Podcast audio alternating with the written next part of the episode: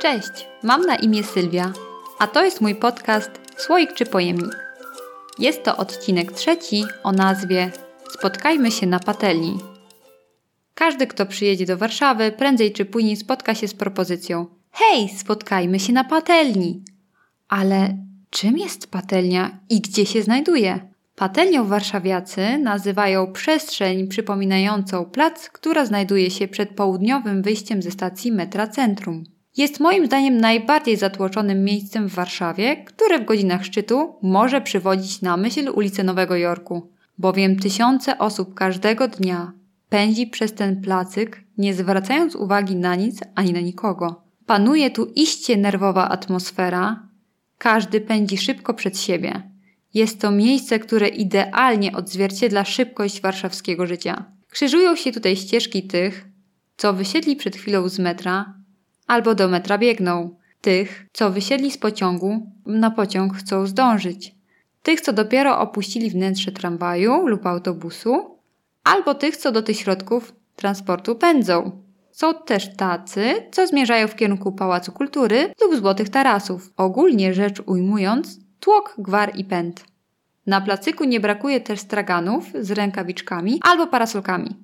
Asortyment zmienia się w zależności od pory roku czy pogody. Latem są to kapelusze, a zimą czapki. Zakupić można także oscypki, posłuchać gry na krzesłach? Tak, od lat przychodzi na patelnię mężczyzna, który za drobne datki gra na rozpadających się krzesłach albo paletach. W zależności co akurat miasto wyrzuci do śmietnika. Odbywają się tutaj również dziwne eventy. Jednego dnia namawiają cię do legalnej aborcji, a innego posłuchasz czytanej Biblii. Czasem przychodzą tutaj artyści i odprawiają taniec ognia. Innego dnia gitarzysta, który chce dorobić do skromnego budżetu. Przy murkach widać ludzi, którzy czekają na spóźnialskich znajomych.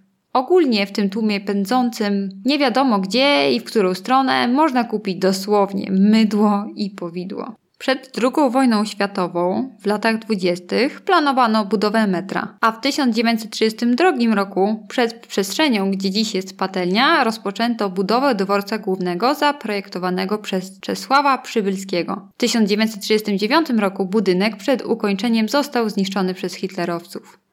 Po wojnie, w 1967 roku, w odpowiedzi na rosnący ruch samochodowy, rozpoczęto budowę dwóch rond naziemnego dla samochodów i podziemnego dla pieszych.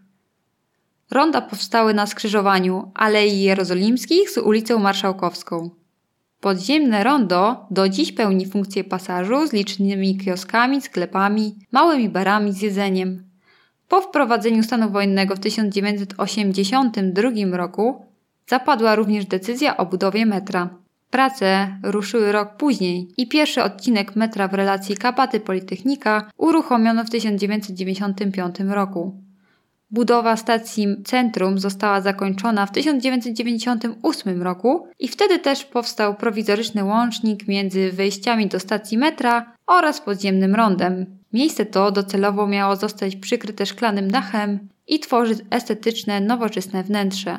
Dziś jest znane jako patelnia. Czy patelnia jest placem? Oficjalnie patelnia nie jest placem i co jakiś czas wraca pomysł zagospodarowania tej przestrzeni. Miejscowy plan zagospodarowania przestrzennego aktualnie zawiera zapis mówiący o tym, że w miejscu tym znaleźć się ma, uwaga, cytat, budynek stanowiący dominatę przestrzenną, obiekt o wyróżniającej się formie. Koniec cytatu. W 2004 roku zaproponowano budowę oktagonalnej kopuły, która stanowiłaby zadaszenie tej przestrzeni. Jednak projekt ten ostatecznie nie został zrealizowany, jak widzimy. A jak ma wyglądać patelnia w przyszłości? W 2021 roku zaproponowano nowy projekt wzorowany na projekcie dworca Saint-Denis w Pleyel w Paryżu, na razie projekt nie został przyjęty, ponieważ władze miasta nie mogą dojść do porozumienia z władzami PKP. Oznacza to, że jeszcze przez jakiś czas będziemy mogli oglądać zmieniające się na murze oporowym murale, które są tworzone przez różne instytucje, również wykonywane w ramach kampanii reklamowych lub do upamiętnienia ważnych dla miasta wydarzeń. Swego rodzaju tradycję tworzenia murali na patelni zapoczątkował profesor ASP Mirosław Duchowski który w 1998 roku studentom z prowadzonej przez siebie pracowni sztuk w przestrzeni publicznej zaproponował możliwość tworzenia na murze oporowym murali.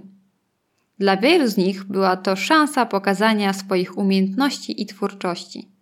Od tamtej pory murale na stałe wpisały się w krajobraz warszawskiej patelni. Jedni uważają, że patelnia jest jednym z najbrzydszych miejsc w Warszawie. Inni uważają ją za świetne miejsce do spotkań. A czy Wam się podoba? Czy jednak powinna zostać zmodyfikowana? To już wszystko, co chciałam Wam dziś powiedzieć. Mam nadzieję, że odcinek się Wam podobał. Do następnego odcinka. Pa pa!